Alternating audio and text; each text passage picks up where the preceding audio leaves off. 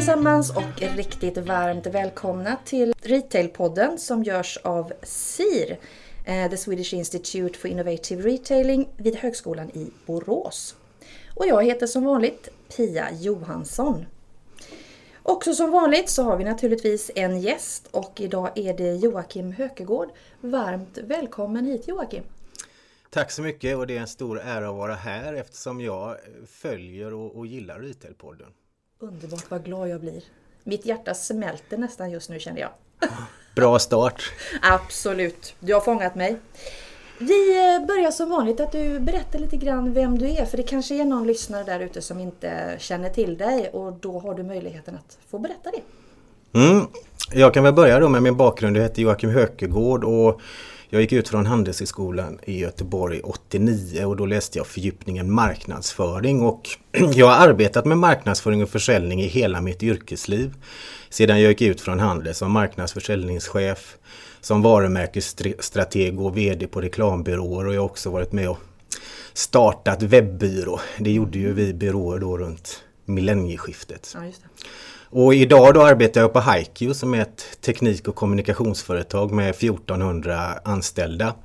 Och jag arbetar i HiQs affärsutvecklingsteam med digital innovation, kommunikation och strategi. För att förklara vad vi gör i affärsutvecklingsteamet så tänkte jag ge ett par exempel. Jag blev glad när jag lyssnade på Retailpodden från D-Congress. Eftersom då var det en professor som ni intervjuade som heter Mats Abrahamsson. Och han talade om innovativ logistik. Och han berättade om ett case kring innovativ logistik för att skapa nya värden för kunden. Caset han talade om var en tjänst Volvo Cars har som heter In-Car Delivery. Vilket innebär att till exempel Postnord kan leverera produkter till bakluckan till Volvos bilar med en digital engångsnyckel via mobilen som bilägaren då delar med transportföretaget.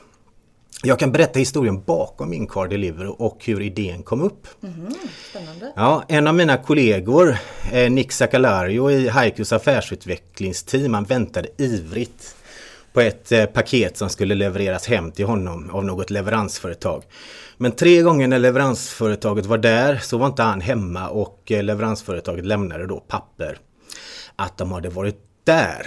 Då fick eh, Nick som arbetar mycket med vår kund Volvo idén om att använda bagageluckan på en bil som en paketinlämningsplats. Eftersom dagens Volvo-bilar är ju sökmotorer på hjul och dessutom finns ju grundtekniken med Volvo K-lappen där man kan programmera in till exempel vilken tid man åker på jobbet så att bilen är varm och avvisar. Det är väl ett väldigt dåligt exempel idag då när solen skiner men på vintern är det, är det uppskattat i alla fall. Så vad vi tog fram är när vi har en idé så tar vi ju fram det som kallas ett proof of concept där vi så att säga testar idén. Och då ville vi testa den på ett ställe där det, där det är väldigt mycket bast och då gjorde vi det i Mobile World Congress som är en jättemässa i, i Barcelona. Och då gjorde vi ett, ett live-test med Linas matkasse som gjorde då en leverans direkt till bakluckan på en Volvo-bil. Och Volvo fick fantastiskt mycket bra PR med internationella tv-kanaler som filmade och annan mediateckning och det skapade market buzz kring live-testet då. Och, och, det som är kul då det är att idag är det testet vi gjorde en konkret tjänst som är kopplad till Volvo On Call och produkten heter då In-Car Delivery då. Eh, och det vi tycker är kul då det är att digitalisering som vi jobbar med skapar ju förutsättningar för mycket spännande utveckling kring bland annat då innovativ logistik som är, som är ett ämne bland väldigt, väldigt många som påverkar retail. Eh, ett annat hyperaktuellt exempel som vi arbetar med just nu är tillsammans med truckföretaget Toyota Material Handling. Eh, utvecklingsavdelning som har bestämt sig för att satsa och ta tillvara på möjligheterna med digital teknik för att skapa mervärde för sina kunder genom att göra det enklare, bättre, effektivare och smartare. Så att just nu håller vi på att ta fram en visionsfilm som visar innovationsresan som Toyota har påbörjat den ska faktiskt visas första gången 8 juli när Toyotas styrelseordförande från Japan kommer till fabriken och testcentret i Mjölby. Oj, spännande! Mm. Kul! Det låter som du har ett otroligt roligt arbete. Ja, väldigt roligt. Vi, vi jobbar ju med många duktiga och bra företag som har bestämt sig för att utnyttja digitaliseringens möjligheter och bli vinnare. Det låter ju väldigt smart. Mm. Du, när vi pratar om utmaningar då, vilka utmaningar ser du är störst som retailbranschen har idag? Digitalisering skulle ju vara det förväntade och självklara svaret då. Men, men eh, jag tror det kan finnas en ännu större utmaning och det är tillväxtfrågan kopplat till hållbarhet. Eh, för jag tror att de flesta inom retail är intresserade av att sälja mer. Det byggs ju fler köpcentrum, fler fysiska butiker och det öppnas fler digitala butiker. Och det kräver ju att vi säljer mer och därigenom skapar tillväxt om alla butiker och köpcentrum ska gå runt. Tillväxtfrågan tycker jag därför är väldigt, väldigt intressant. Mm. Malin Sundström är ju, för, är föreståndare här på SIR mm. och jag har gästföreläst för hennes studenter både här i Borås och eh, på Handelshögskolan i, i Göteborg då och när jag brukar inleda när jag föreläser för marknadsföringsstudenter är att väljer ni att arbeta med marknadsföring då så väljer ni att arbeta för att skapa tillväxt i det företag som ni blir anställda i. Det handlar om att sälja, skapa tillväxt, vinna marknadsandelar för det företag ni jobbar för. Men påståendet jag fick tillbaka från studenterna när jag föreläste på Handelshögskolan var Varför då? Mm. Och varför då frågade jag mig själv, har jag hamnat på Socialhögskolan? Eh, det verkar ju inte som studenter läser nationalekonomi längre tänkte jag. John Maynard Keynes, då keynesianismens fader, säger ju att ökad konsumtion skapar ökad tillväxt och välstånd. Och I alla företag som jag arbetat med sedan jag gick ut från Handels för 27 år sedan har det varit viktigt att sälja och ta marknadsandelar. Så alltså jag blev väldigt förvånad då. Så jag, jag, jag sa till Malin efter föreläsningen att jag jag var förvånad över studenternas attityd till försäljning, tillväxt och göra affärer, för det är ju ändå en handelshögskola. Malins svar var, du är gammal nu Joakim. Underbart. Ja, och det är helt andra värderingar än, än när du studerade här, svarade hon. Jag vet, så jag, men jag trodde det här var en handelshögskola. Så, men därför så tycker jag det värderingsskiftet kring tillväxtfrågan är, är vansinnigt intressant eftersom det kommer självklart att påverka handelns framtida utve mm. utveckling då. Det är inte alltid givet att, att köpa den extra tröjan, den extra produkten och så vidare och då spelar det ingen roll hur skicklig du är på att förpacka, sälja, göra det enkelt. Så, så det, är en, det är en spännande utmaning. Mm. Eh, en annan utmaning för retailbranschen tror jag är fackhandelskompetens. Eh, kunden är ofta påläst och kunnig eftersom de har ju googlat innan de kommer till sin fackhandelsbutik. Och det ställer stora krav på personalen att kunna erbjuda mer kunskap och inspiration än bara den man kan få på nätet. Alltså man måste kunna mer, kunna tillföra mer värde. Eh, en annan ytterligare spännande utmaning för retailbranschen eh, är ju att e-handlare som Amazon har börjat tillverka och sälja sina egna varumärken.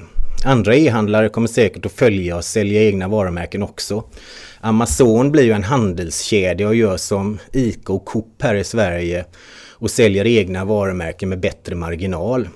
Amazon har ju fördelen i och med att de kan allt om kundbeteendet. De följer kundernas flöden på den egna plattformen och dessutom äger ju Amazon all data. Så de är ju väl medvetna om, en, om att en fungerande leverans är avgörande. Då har ju de en stor möjlighet att, att skapa en, en, integrerad handelskedja som kan vara, vara, vara, jobbigt för övriga retailbranschen. Mm, definitivt. Mm, spännande reflektioner. Vi på SIR vi jobbar ju då med forskning inom handel. Eh, varför tycker du att det är viktigt med handelsforskning? Eller tycker du att det är viktigt med handelsforskning kanske jag ska säga? Eh, jag tycker absolut det är viktigt. Eh, och det är alltid viktigt med input, inspiration, kunskap och nya insikter. Speciellt då om man arbetar med innovation som ska skapa nya kundvärden. Och vi, vi på ett konsultföretag som, som Haiku, vi har ju förmånen att träffa företag från olika branscher. Vi träffar ett företag i en bransch där, vi träffar ett företag i en annan bransch där och vi lär oss ju mycket av våra duktiga kunder. Och vi kan ta med oss kunskap från en bransch till en annan bransch. Och, och, och vi har ju privilegiet då att få, få arbeta med företag som har, har bestämt sig för att, för att bli då vinnare. Så vi lär oss jättemycket från dem men det räcker ändå inte alltid hela vägen ut för att Fördelen och det som är viktigt med handelsforskning är ju att ni har möjligheten att gå på djupet för att hitta nya insikter och ni är inte speciellt eller specifikt kopplade till ett företag som uppdragsgivare. Vi som arbetar som affärsutvecklingskonsulter är ju alltid kopplade till specifika uppdrag och företag när vi gör våra omvärldsanalyser och research för att hitta dolda behov och nya insikter så att vi är ju alltid köpta. Mm. Så jag tror att, att handelsforskning är viktigt. Det är mycket friare och har möjlighet att gå på, på djupet för att hitta nya spännande insikter. Mm. Härligt. Vi pratar mycket om det här med hur kan man få sam stärka samarbetet egentligen mellan näringsliv och akademi. Vad tror du kommer krävas? Vi pratade om att man behöver komma närmre varandra. Men hur gör man det då? Hur kommer man närmare akademi och näringsliv? Mm. Ja, jag tror det är jätteviktigt som du säger det för att eh, för forskning att stärka samarbetet och komma ut i, i näringslivet och framförallt testa sina tankar och idéer. För det sägs ju att skolans ljus blåses ut i verklighetens tvärdrag. Och jag tror också det är viktigt att samarbeta från, från näringslivets sida. Speciellt om man arbetar med innovation som vi på HiQ gör. Och vi på HiQ samarbetar därför mycket med forskningen men det har ju blivit mer på IT och tekniksidan. Vi, vi samarbetar med till exempel Victoriainstitutet, ett forskningsinstitut inom IT och en del av Swedish ICT. Vi samarbetar med Chalmers, KTH och Internet of Things Sverige vid Uppsala universitet. Dessutom så har vi flera forskare eh, anställda så jag har ju flera kollegor eh, på Haiku som är mm. före detta forskare och har doktorerat inom till exempel teknik, mobilitet, UX, systemvetenskap och jag läste ett internmail häromveckan veckan att vi precis anställt en professor i, i datorteknik från Chalmers. Mm. Efter den här intervjun ska jag till exempel ha ett arbetsmöte med David Dinka. Han har doktorerat i user experience och han är en utav personerna som ligger bakom Skypes fina mm. användarupplevelse. Mm. Så vi har väldigt, eh, väldigt duktiga forskare då som, som jobbar hos oss. Då. Det känns som att ni har kommit väldigt långt vad det gäller att knyta ihop just näringslivet och forskningen mm. om jag uppfattar dig rätt. Det låter ju väldigt spännande. Ja, vi tycker det är, är, är jätteviktigt ja. för att vi får nya insikter och, och kompetens och speciellt om vi, om vi vill ligga i absolut framkant så är det jätteviktigt. Mm. Jag tänker på företagen som ni samarbetar med. Brukar de ställa frågor just om akademisk karaktär eller just forskning eller vad, hur, hur går ett samarbete till när ni sätter igång? Brukar ni säga att ja, vi tar med någon från forskare eller säger ni bara att ni är ett team och ni har olika arbetsuppgifter eller hur funkar det? Ja, vad vi säger det är ju att eh, ska man jobba med, med innovation så behöver vi ha en, en, en form av, av kollektiv eh, kompetens eh, och därmed intelligens. Så, så vad vi jobbar med det är multikompetenta team. Alltså jag är ju ingen smart ingenjör eh, som jag berättade. Jag är, är marknadsförare och eh, kommunikationsstrateg men det händer väldigt spännande saker om man sätter ihop människor med olika utbildningar, olika erfarenheter så att jag jobbar ju mycket med ingenjörer som ju är kreatörer också och uppfinnare. Och vi har ju också klassiska kommunikationskreatörer också då mm. från reklambyråbranschen anställda och vi, vi arbetar i innovationsprojekt tillsammans med kunden och då försöker vi också få olika perspektiv från, från kundens verksamhet eftersom problemet med, med det gamla värdeskapandet är ju att det är silos. Du har mm. liksom försäljning, du har marknad, du har mm. produktion, forskning, utveckling. Men, men digitalt värde sker tvärs över. Mm. Så där försöker vi bryta upp det genom att ha multikompetenta team och det är klart när vi ska vinna våra uppdrag och, och vi har bra CVn på de personerna och har de som har doktorerat och är, är, är absoluta experter och kanske i världsklass inom vissa ämnen. Det är klart mm. att vi blir spännande då. Ja, det är klart. Härligt. Du, vad tror du mest, vilka områden är mest relevanta inom retailbranschen idag? Alltså vad tror du man ska fokusera på här idag, 2016, i nu? Eh, förenkling och paketering av tjänster. Mm. Att göra det ännu enklare för kunder att köpa och hjälpa kunderna att skapa eller spara tid. Ja, just det. För grunden i all tidigare marknadsföringsteori och retail har ju varit att kunden ska ha en stor valfrihet av produkter att välja utifrån sina behov. Eh, idag har vi för många val. Vi blir stressade. Det har blivit en, en valfrihetens tyranni. A paradox of choice. Och det blir för många val för konsumenten och speciellt då på nätet och i e-handelsbutiker. Så att jag tror att vi som arbetar med marknadsföring och försäljning måste hjälpa kunden att gå från många val till enkla val med hjälp av paketering. Jag, jag berättade ju tidigare att jag jobbat på reklambyrå i många år och jag var ju varumärkesstrateg och VD på en reklambyrå som arbetade med eh, marknadsföringen för Burger King i många år. Och vi människor vi kan ju inte ens köpa en hamburgare. Alltså vi vill ha olika menyer och paket när vi står framför kassan och beställer. Så jag tror det finns en, en stor potential i detaljhandeln att öka sitt tjänsteutbud med paketering. Mm. I bygghandeln kan man till exempel köpa en renovering, i elektronikhandeln en installationslösning och i dagligvaruhandeln en middagslösning. Ytterligare paketering tror jag är en, eh, en väg för handeln att gå för att skapa mer värde och göra det enklare för sina kunder. Mm. Ja, det låter ju inte helt ologiskt för ibland precis som du säger, när man står där och ska välja. Det är nästan lite jobbigt. Ja, det är Ibland jättejobbigt. Man gärna att någon har bestämt åt en. Ja, och, och speciellt på, på nätet och i många nätbutiker så är ju utbudet oändligt så att det blir stressande. Så där, där, där, tror jag det finns en jättepotential att göra en smart paketering och göra det enklare och inspirerande för mm. kunden att, att eh, välja. Då. För det blir en valfrihetens tyranni i vissa avseenden. Ser du någon som har kommit en bit på väg med det, som är där redan idag? Något företag eller några företag som du tycker, eller är på väg åt det hållet i alla fall? Är det något du kan... Har du någon? Nej, ingen, ingen på rak arm Nej. så. Nej. Så där, där finns det ju en, en stor potential. Eh, det finns ju självklart inom, inom eh, livsmedelshandeln då med med de företagen som säljer mat på nätet har ju ja. försökt att göra, göra, förpacka det som bekväma middagslösningar. Så att det är väl de som har kommit, har kommit längst då med olika typer mm. av, av prenumerationslösningar då för att förenkla livet med färdiga rätter eh, inom olika områden vad man då är intresserad av. Mm. Och det känns väl att det har fått ett uppsving. Det är ju ganska vanligt, mm. det är ganska många som faktiskt väljer att beställa sina matkassar mm. på det mm. sättet känns det som. Och det som är intressant eh, som jag har hört där det är ju att när man väl då bestämmer sig och har börjat handla mat på nätet så fortsätter man. Så idag är det ju en väldigt är det en försvinnande liten mm. del som, mm. som handlar mat på nätet men att den ackumulerade effekten kommer att bli ganska kraftfull framöver. Ja. Spännande. Det finns mycket ogjort kvar. Du, en liten avslutningsfråga så här då. Hur brukar du själv göra dina inköp? Brukar du handla på nätet eller går du till en fysisk butik? Eller kombinerar du?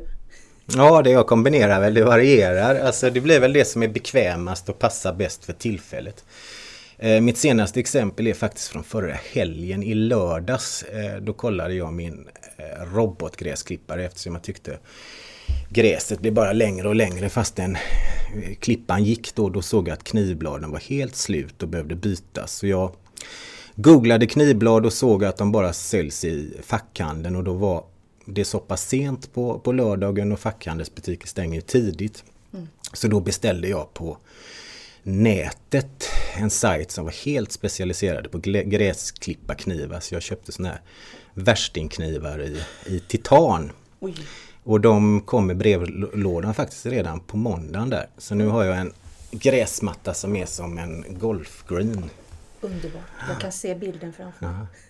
Sen har jag ju fem barn så det blir mycket julklappar och födelsedagspresenter. Mm. Men de är ju så pass gamla här så som tur är brukar de mejla länkar på det de önskar sig i julklapp. Eh, mm. Och presenter så jag inte köper några konstiga grejer då för jag har ju inte koll längre då. Och senaste presenten jag köpte var till min dotter Ellen som gillar konståkning och hon önskade sig ett mobilskal med konståkare på när hon fyllde år. Så jag köpte ett mobilskal på nätet och så fick hon sitt namn Ellen ingraverat också. Oj. Sedan köper jag kläder ibland på nätet också men det är väl delvis för att testa lösningar som vi på Hike har tagit fram för våra kunder. Jag köper mycket annat på nätet också men absolut inte allt. Matinköp är mitt ansvar Jaha, det ser man. I hemmet. Eftersom min fru lagar maten så får jag se till att köpa den. Så, men mat köper jag däremot inte på nätet. Även om jag verkligen hade velat det eftersom jag åker och handlar med min gamla mamma. Och hon vill alltid åka till eh, samma butik där hon hittar och så har hon järnkoll på alla aktuella extrapriser. Underbart. Toppen. Du Joakim, tack så jättemycket för att du tog dig tid att komma till Retailpodden. Ja, tack. Det var jättekul. Jag ser fram emot nya spännande innovationer från eh, dig och dina kollegor. Mm. Toppen. Vi jobbar för fullt med det. Ja, underbart. Jag vill också passa på att tacka våra lyssnare och vill ni veta mer om vad vi på SIR gör så är ni varmt välkomna in på sir.se. Eh, tack för att ni lyssnade idag och ha det så bra!